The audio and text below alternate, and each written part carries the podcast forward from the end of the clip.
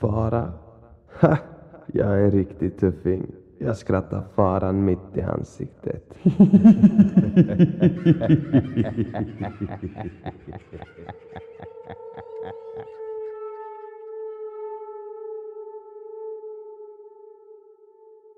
När jag var yngre och troende gick jag varje fredag till moskén vid Medborgarplatsen och lyssnade på föreläsningar. Vid en av dessa fick jag höra om hur vi människor kom till och varför vi sattes på denna jord. Det berättades att vi tidigare varit änglar, men att när Lucifer, djävulen, gjorde sin revolt mot Gud så fick änglarna ett val. Lucifer vägrade knäböja för människan som Gud skapat. Jag är den starkaste ängeln, sa han, gjord av eld. Denna ynkliga varelse är bara gjord av lera. Djävulen vägrade följa Guds order och de änglar som valde att följa Lucifer blev till det som kallas djinn, eller demoner som vi kallar dem här i Norden.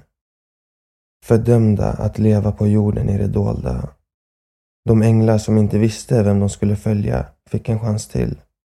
De blev satta på denna jord för att under en livstid visa att de förtjänade att komma upp till paradiset genom att följa Guds regler, visa sin underkastelse och hylla Gud framför allt.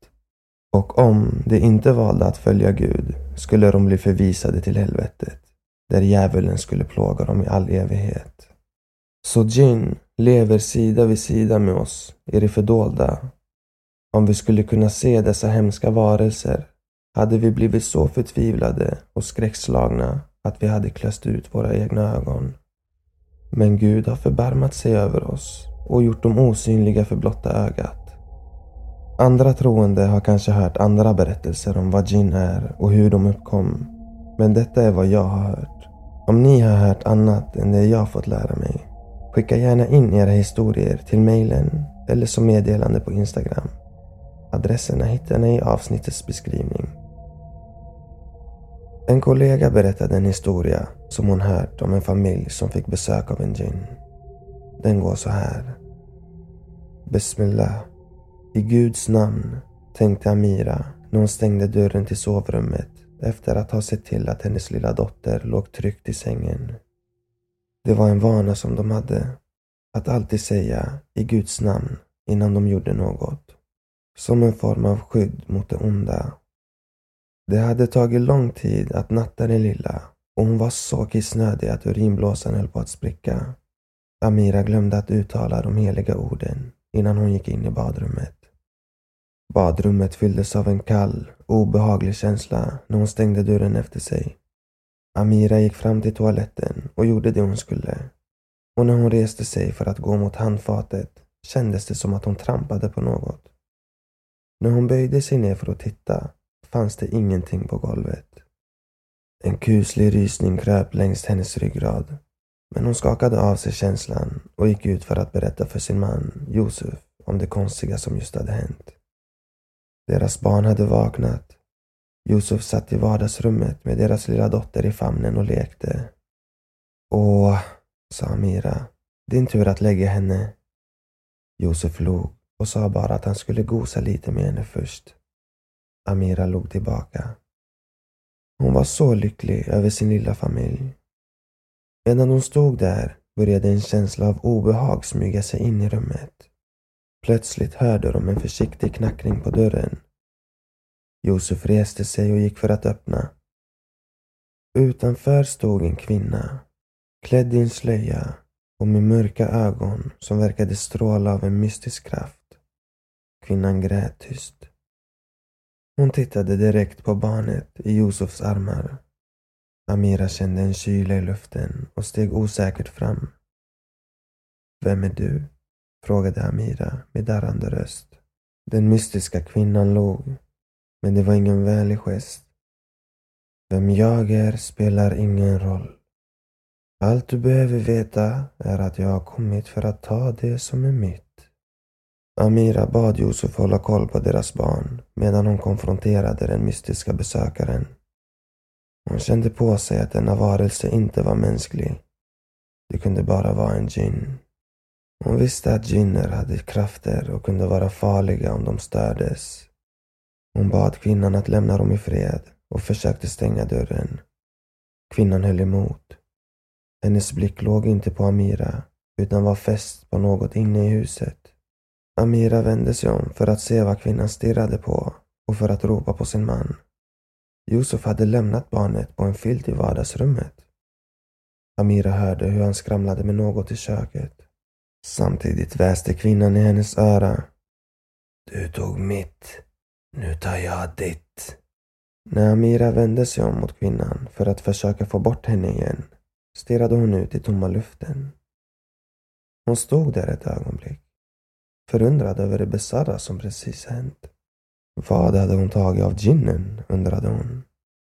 Hon hörde sin man skrika, stängde igen dörren med en smäll och rusade tillbaka till vardagsrummet och såg Josef hålla deras livlösa barn i sina armar. Tårarna rann ner längs hennes kinder när hon insåg vad som hade hänt. Hon hade glömt det viktigaste. Att säga i Guds namn för att skydda sin familj från det onda. Och det hon hade trampat på i badrummet måste ha varit kvinnans barn. Amira och Josef grät över det oskyldiga liv som hade tagits ifrån dem. Med vetskapen om att en enda förbisedd handling hade förändrat deras liv för alltid.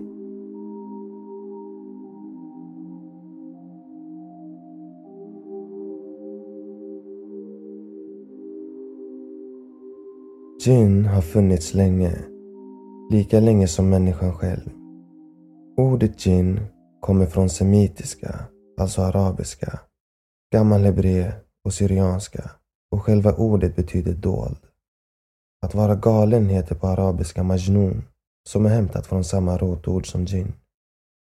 I det fördolda har dessa varelser levt och verkat i alla tider enligt mytologin. De ser oss, men vi kan inte se dem om de inte med mening visar sig för oss. I de förislamiska persiska sagorna och dikterna kallades dessa varelser för Jahini och i det forna Egypten så hette de Genius. De gamla assyrierna kallade varelserna för Gini.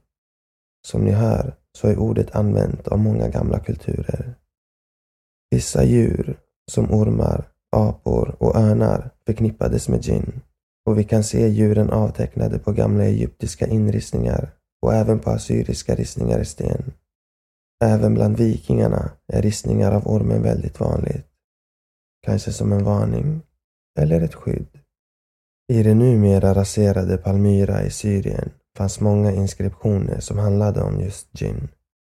De kan även ses i Heliopolis i Libanon, där templet och offerplatsen ännu finns kvar och vilar ståtligt med gigantiska stenar och pelare som nog ingen ännu vet hur de kom dit.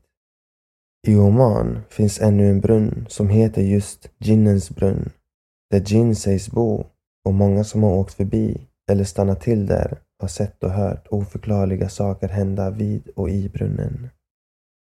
Vi människor har länge trott att ginnen kan ändra form till bland annat fåglar, skorpioner, hästar eller andra djur. De kan till och med ta människors form och det finns dokumenterat i gamla dikter att gin hjälpte människor. Att de var väldigt intelligenta och att de kunde byta form som de ville. Vissa poeter från äldre tider skriver att de hade jinn som stod dem lika nära som bröder och de fick hjälp med diktandet av dessa varelser. Det finns enligt sägner och gamla skrifter både goda och onda jinn. De goda hjälper oss och vakar över oss. De onda samarbetar med djävulen eller med andra onda krafter och kräver något i utbyte mot att hjälpa oss. De kan ta en människa i besittning och göra oss sjuka eller galna eller få oss att göra saker vi inte vill i gengäld för deras hjälp. Idag finns Jin avbildade i skräckfilmer och i böcker världen om. Exorcisten till exempel där en flicka blir besatt av en ond djinn. Eller demon, som vi här i västvärlden brukar kalla dem. Utdrivning av djinner har funnits lika länge som de dolda varelserna själva har.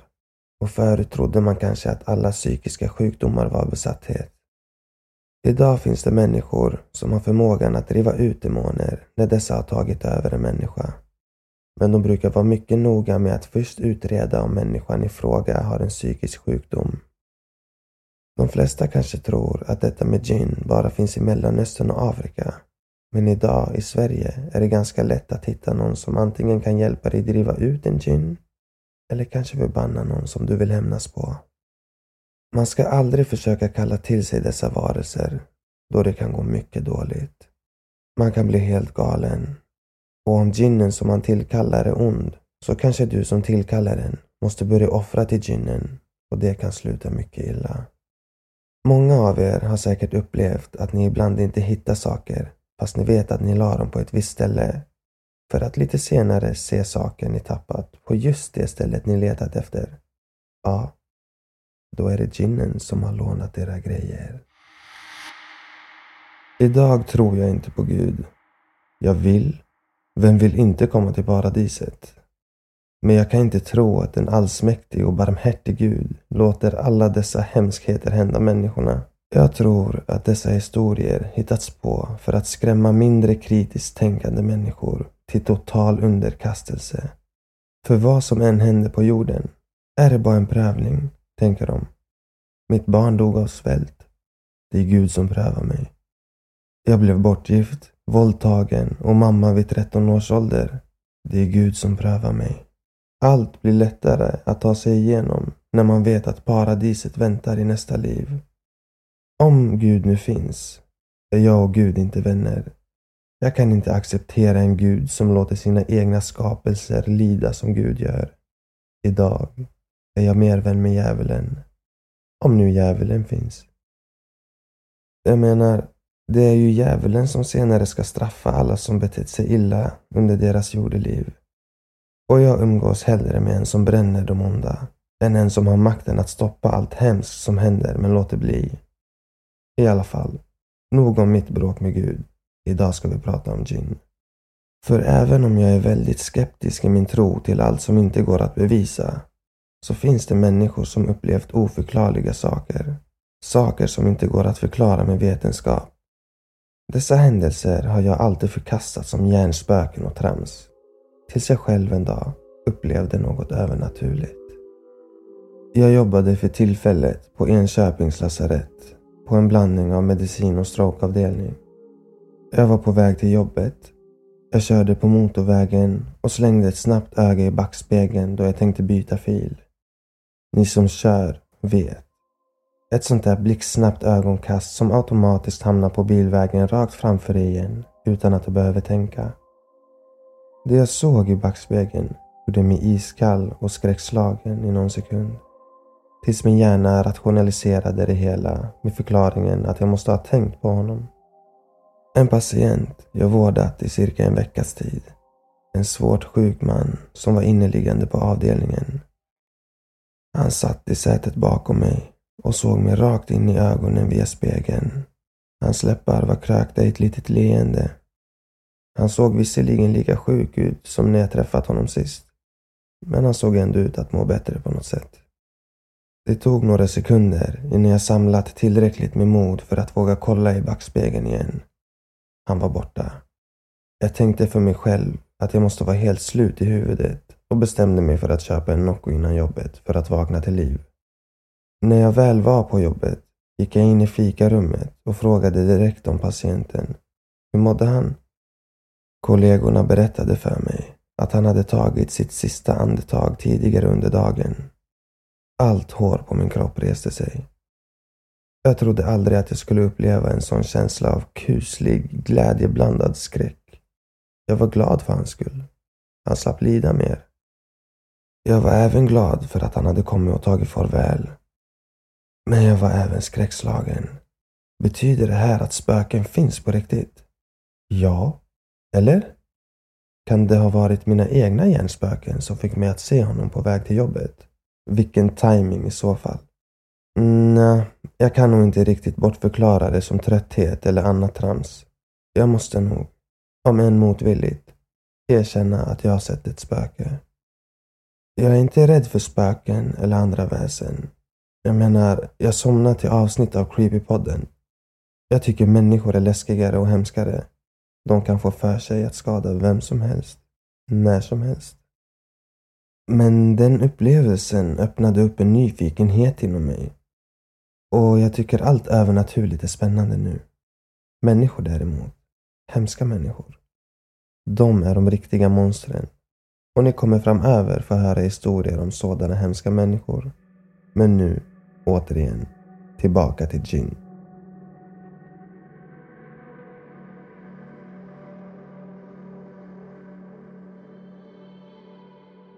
Jag var glad över att äntligen få resa till landet jag länge längtat till. Egentligen hade jag ingen anknytning dit. Men jag hade ändå känt en dragning till landet länge. Marocko. Med gamla medinor och färger som sprakar i solen. Jag åkte med familjen. Mamma och två systrar som alla såg fram emot resan lika mycket. När vi kom fram till hotellet efter att ha landat på den lilla flygplatsen nära Marrakesh så låg alla fyra i kapp för att det var så vackert. Hotellet var en liten riad, som det heter. Ett traditionellt hus som hade gjorts om till ett fint hotell med vackert kakel och traditionella lampor som hängde i taket. Vi skulle sova två och två i rummen som låg vid varandra och som båda hade franska fönster ut mot Jamaat Elfna. Jag längtade efter att gå dit och ställde mig vid det vackra fönstret och öppnade det. Andades in luften utanför som luktade sand, kryddor och en svag bris av rökelse. Jag log och vände mig mot min syster som satt på sängen. Vi vilade en stund, liggandes i den stora sängen som vi skulle dela på. Båda var trötta, men samtidigt uppspelta och ville gå ut för att titta på allt det fina. Det var fortfarande dag, men om någon timme skulle mörkret falla. Så vi bytte kläder, tvättade av oss och knackade på dörren där vår äldre syster och mamma skulle bo. Jalla, kom vi går ut sa jag och min syster i munnen på varandra och skrattade. Det var trånga gränder med handvävda mattor hängandes från de små butikerna. Krukor, läderväskor, färgglada klänningar och lampor som såg ut som att Aladdin precis hade hälsat på. Jag stannade vid en av lamporna och tänkte att just den här vill jag ha. Jag väntade inte ens på de andras åsikt om den, utan gick fram till den lilla butikens ägare direkt. This one, sa jag. Och han tittade på mig och sa en mycket högre summa än vad det nog egentligen kostade. Men jag betalade och gick ut. Men på vägen ut stötte jag i en man som just hade kommit in i den lilla butiken. Sorry, sa jag snabbt. Han tittade på mig med gröna ögon som smalnade av så de såg ut som ormögon. No, I'm sorry, sa han sträckte fram sin hand och tog bort ett av mina långa hårstrån som hade fastnat på min klänning. Beautiful hair, sa han och log. Och jag kände en kväljande doft från hans mun när han pratade. Som döden luktar. Jag gick snabbt ifrån honom och ut till min familj som gick runt i närheten och väntade på mig. Jag försökte skaka av mig känslan av obehag jag fått från mannen inne i butiken. De andra ville gå och äta och dricka te, så vi gick vidare till en mysig restaurang där vi åt gott, skrattade och tog bilder som vi senare skulle lägga ut för att visa andra vår resa. Jag började få huvudvärk, men de andra ville titta vidare trots att mörkret hade fallit på. Jag ville helst tillbaka till rummet då huvudet dunkade och migränen kändes nära. Men jag log då jag inte ville förstöra för de andra. Vi började gå mot den gamla moskén, stadens mittpunkt. Jag kunde se de gröna lamporna som hade tänts på minareten. Jag började känna mig mer och mer konstig i kroppen. Som när man håller på att bli sjuk och jag bad en av syrrorna att känna på min panna för att se om den var varm. Hon kände och sa nej, den är mer kall än varm. När vi kom till moskéns uteplats så stannade de andra och tittade upp mot moskén. Själv tittade jag mot två flickor som satt och tvättade sig, där de som skulle be i moskén tvagade sig. Först såg jag flickor som lekte med vattnet. Sen såg jag ingenting där de hade suttit. Och plötsligt var de där igen. Jag blundade en stund och tittade upp mot dem igen. Det var inte längre två flickor som satt där, utan två nakna, små demonliknande varelser som tittade mot mitt håll innan de kom springande med väldig fart mot mig. Jag skrek av skräck och försökte hoppa undan, viftade med armarna och såg bara eld framför mig. Det kändes som att jag skulle brinna upp inifrån. Jag vaknade upp på hotellrummet. Min familjs ögon som tittar på mig med oro och min mammas hand som stryker min panna. Vad hände min flicka? Sa hon och fortsatte titta på mig. Jag vet ju inte vad som hände, men jag vet att min kropp, hela min kropp verkar. Det känns som att det brinner i kroppen och jag vill skrika, men kan inte. Jag hör mig själv väsa fram att hon ska ut, men jag vill inte att hon ska gå. Jag slår efter min mamma och försöker bita hennes hand som stryker över min panna. Jag ser världen genom ögon som inte är mina egna, som fången i min egen kropp. Jag somnar och nästa gång jag vaknar så är jag inne i en sjukhussal. Min mamma och mina systrar är där. Och när jag vaknar så kommer min mamma mot mig. Men jag slår mot henne. Jag vill inte, men jag slår och skriker. Jag ser läkare komma med sprutor som ska lugna mig och jag somnar igen. Jag vaknar av att jag fryser samtidigt som jag ännu brinner. Jag ser okända ögon titta på mig. En man med vitt skägg och lång kappa läser ord som jag inte förstår. Men jag vet att jag hatar orden, så jag försöker få honom att vara tyst. Skriker åt honom att hans ord gör att min kropp verkar ännu mer. Varje ord han säger känns som ett slag mot mig och jag vill slå tillbaka. Jag somnar av ännu en spruta och vaknar med mina egna ögon. Ett tag, dricker lite vatten och ber mamma att förlåta mig. Jag var inte mig själv. Hon tittar ner på mig med oro i sina snälla ögon och säger att allt kommer bli bra. Jag är inte i samma säng som jag vaknade upp i förra gången och jag vet inte vart jag är. Allt är så förvirrande och jag tittar ner på min egen kropp som jag inte heller känner igen. Så utsvulten och så smal den har blivit. Jag känner revbenen under mina smala torra händer. Sen börjar elden sakta att kännas igen. Jag hatar den, men kan inte motstå den, så jag börjar skratta högt. Åt något. Jag vet inte varför, men jag skrattar och skriker om vartannat och säger saker på ett språk jag själv inte förstår. Jag rabblar högt och tittar på mamma och mannen med skägget som just har kommit in i rummet. Och jag blir så arg att jag slår min arm i väggen och hör hur något i handen knakar. Men känner orden från mannen som ännu mer smärtsamma för kroppen. Ännu en spruta av något jag inte vet vad det är körs in i min kropp samtidigt som flera andra håller i mig. Sömnen kommer igen och jag sover länge. Och så håller det på i flera månader mellan liv och död. Mellan att sova och vakna och emellan att skrika och slåss och att förstå att något är fel. Båda mina armar är i gips. Jag hade brutit dem på egen hand, men minns inte hur. Mannen med skägget satt tålmodigt och läste från den heliga boken. Det hade redan gått sju månader. Sju månader av mitt liv som försvann in i elden och dimman.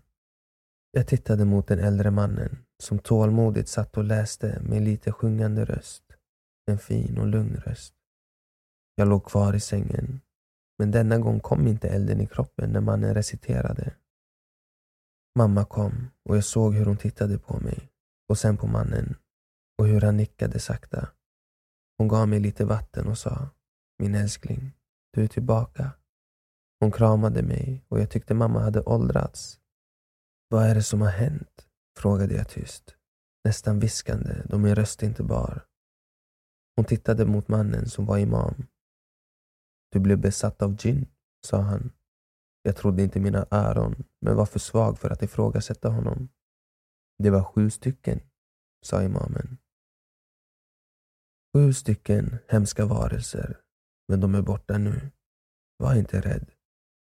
Jag minns elden i mig och hur jobbigt det hade varit att vara fast i kroppen. Jag förstod att det inte var något normalt som hade hänt mig. Mamma berättade senare att jag hade legat på sjukhus och de trodde att jag skulle dö av svält och av att jag skadade mig själv. Läkarna hittade ingen diagnos och inga mediciner hjälpte. Jag hade pratat hebreerflytande och jag som är från Albanien hade aldrig ens läst översättningar på det hebreiska språket. Jag blev rädd när hon berättade vad som hade hänt.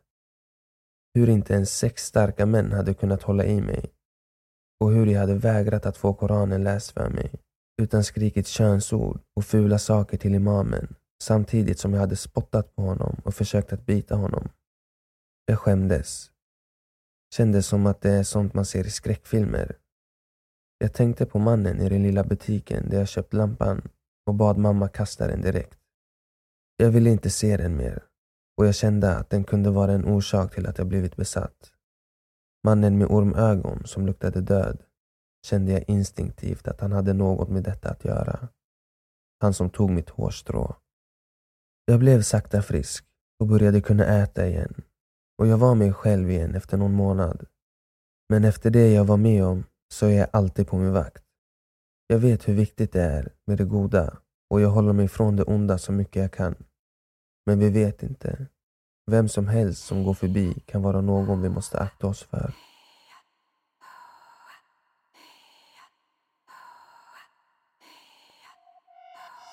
Hon bodde på gården. Kvinnan med den svarta slöjan och det lilla barnet som ofta gick ute på parkeringen i bara en tunn tröja, en till synes full blöja och smutsigt hår som stod rakt upp från hans lilla huvud. Också det smutsigt och svart av sot och jord. Mannen som kvinnan hyrde av hade trott gott om henne. Precis som så många andra, fick vi lära i efterhand. Han hade trott att hon var företagsam och full med energi, villig att skapa något fint på gården. Kvinnan hade hästar och katter och hade ägt en gård uppe i norr. Hon hade fina referenser och var van vid att sköta och föda upp djur. Hon skulle också starta upp en liten andrahandsbutik i stallet och sälja fina lampor, spisar och mattor. Ägaren, mannen som hyrde ut stallet och hagarna, var till en början nöjd med sitt val av hyresgäst. Men det fina gick ganska fort över till missnöje som eskalerade till rädsla. Kvinnan flyttade in i loftet som låg ovanpå stallet med sin son. Ett ställe där barn absolut inte borde vistas, då det är direkt farligt. Utan brandvarnare och med loftdörr som stupar rakt ner i asfalten nedanför. Loftet precis som stallet, hade ingen isolering, ingen toalett och inget kök. Men kvinnan bestämde sig för att bo där, trots att loftet som lägenhet inte ingick i kontraktet. Mannen som ägde gården försökte prata med kvinnan och få henne att förstå att hon inte fick bo där. Det fanns inget avtal om det. Dessutom var det farligt för barnet, försökte mannen säga. Kvinnan blev med ens aggressiv och hotade honom. Hon skrev på Facebook att mannen var ett hot och bad folk komma dit och vakta. Mannen anmälde till slut kvinnan till SOS, men de tog inte saken på allvar. Han anmälde även till polis, men även de struntade i saken. Till slut blev han så desperat att han skrev på Facebook och bad om hjälp. Jag såg hans desperata inlägg av en slump och jag kände också igen beskrivningen av kvinnan han skrev om. Herregud, är hon i farten igen, tänkte jag då jag länge följt henne på Facebook då jag hade ett intresse av att undersöka jihadister och grupper de rörde sig i. Just denna kvinna hade varit gift med en jihadist och senare förtalat henne på nätet med diverse anklagelser. Och nu hade hon hyrt ett stall rätt nära där vi bodde. Jag skrev till honom och berättade vad jag visste och berättade också att hon hade flera rättsmål i tingsrätter över landet. Droger, stölder och misshandel. Och dessutom samlade kvinnan swishpengar från naiva följare som trodde på hennes projekt, som aldrig blev av. Mannen var skakad. Han hade inte förstått att hon var kriminell och kände sig lurad och dum för att han hade trott på henne. Hennes gård, som nu var såld, hade varit så smutsig, hade jag fått höra, av folk som hade hyrt in sig i en stuga hon hade hyrt ut under en period i syfte att skapa ett bra rykte och tjäna ihop pengar på sidan om. Den hade varit smutsig och kall och toaletten hade varit full med bajs. Och ute på gården hade hästar trängts ihop med sopberg som frös fast i marken under vintern. Kvinnan hade även då sagt att hon trivdes på sin gård och hade sällskap av sina djur och av Jin som tittade på henne. Hon hade berättat att hon ibland gick ut naken i mörkret för att Jin ville titta på henne. Jag hade kontakt med en tjej som hyrt in sig under tre dagar hos kvinnan hon hade blivit rädd och obekväm och hon ville inte på något sätt ha något mer med kvinnan att göra. Men nu fanns hon alltså här, i vår närhet. Hon hade nästlat in sig hos en äldre herre som nu inte vågade gå ut på sin egen gård utan kniv i handen i rädsla för denna kvinna.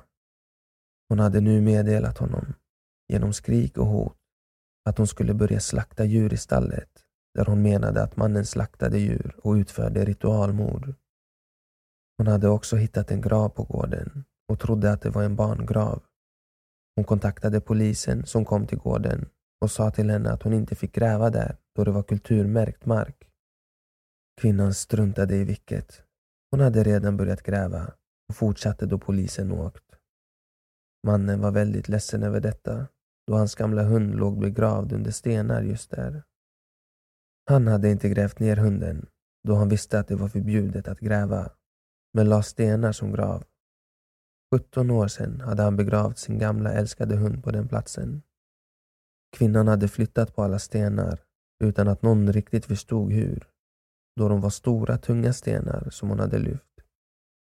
Kvinnan hade också stulit mannens elaggregat som gick till hästarnas hage, så hästarna rymde gång på gång och sprang ute på den stora vägen utanför. Och grannar fick jaga hästarna så att de inte skulle bli påkörda av bilar. Kvinnan hade ingen mat till sin son utan han drack mjölk ur en flaska som han hade i munnen hela tiden. Hon hade ingenstans att diska, tvätta kläder eller duscha sonen.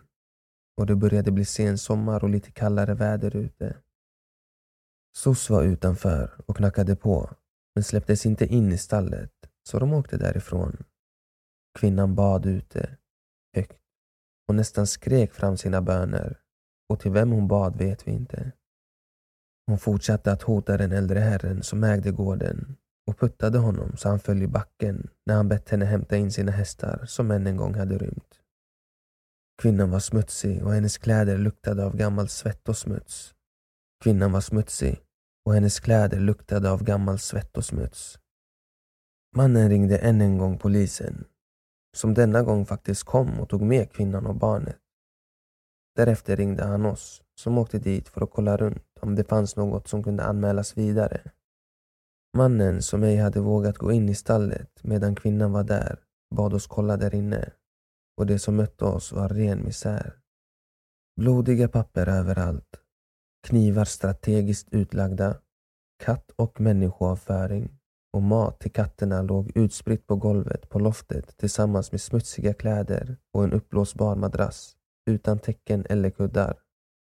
Kvinnan hade två spjut vid madrassen och såg ut att vara beredd på fight när som. Pojkens mjölk stod ute och stank härsket och hans kläder låg vart som tillsammans med bajsiga och kissiga blöjor. Vi kollade även i bilen som var lika smutsig den. Och dessutom så var varken skatt eller försäkring betalade. Så kvinnan åkte omkring med ett tvåårigt barn i en oförsäkrad bil full med cigaretter och fimpar överallt i bilen. Till och med i barnstolen. Ungefär lika många fimpar hittades på loftet, som var utan brandvarnare. Papper från polis och andra myndigheter låg utspridda i bilen och på ett papper som låg uppåtvänt såg vi att polisen hade fått in anmälningar om barnet och gått in i kvinnans förra lägenhet och mötts av lika mycket misär som vi såg i stallet och bilen. Pojken hade inga leksaker, inga böcker och inget talade för att ett barn hade bott i varken den förra lägenheten eller i stallet där de bodde nu. Trots polisens rapport hade alltså kvinnan fått tillbaka sonen och bosatt sig i ett stall. Vi häpnade. Vi åkte hem för att fundera på vad som var bäst att göra och fick meddelande av mannen på gården att hon och sonen var tillbaka i stallet. Släppta ännu en gång.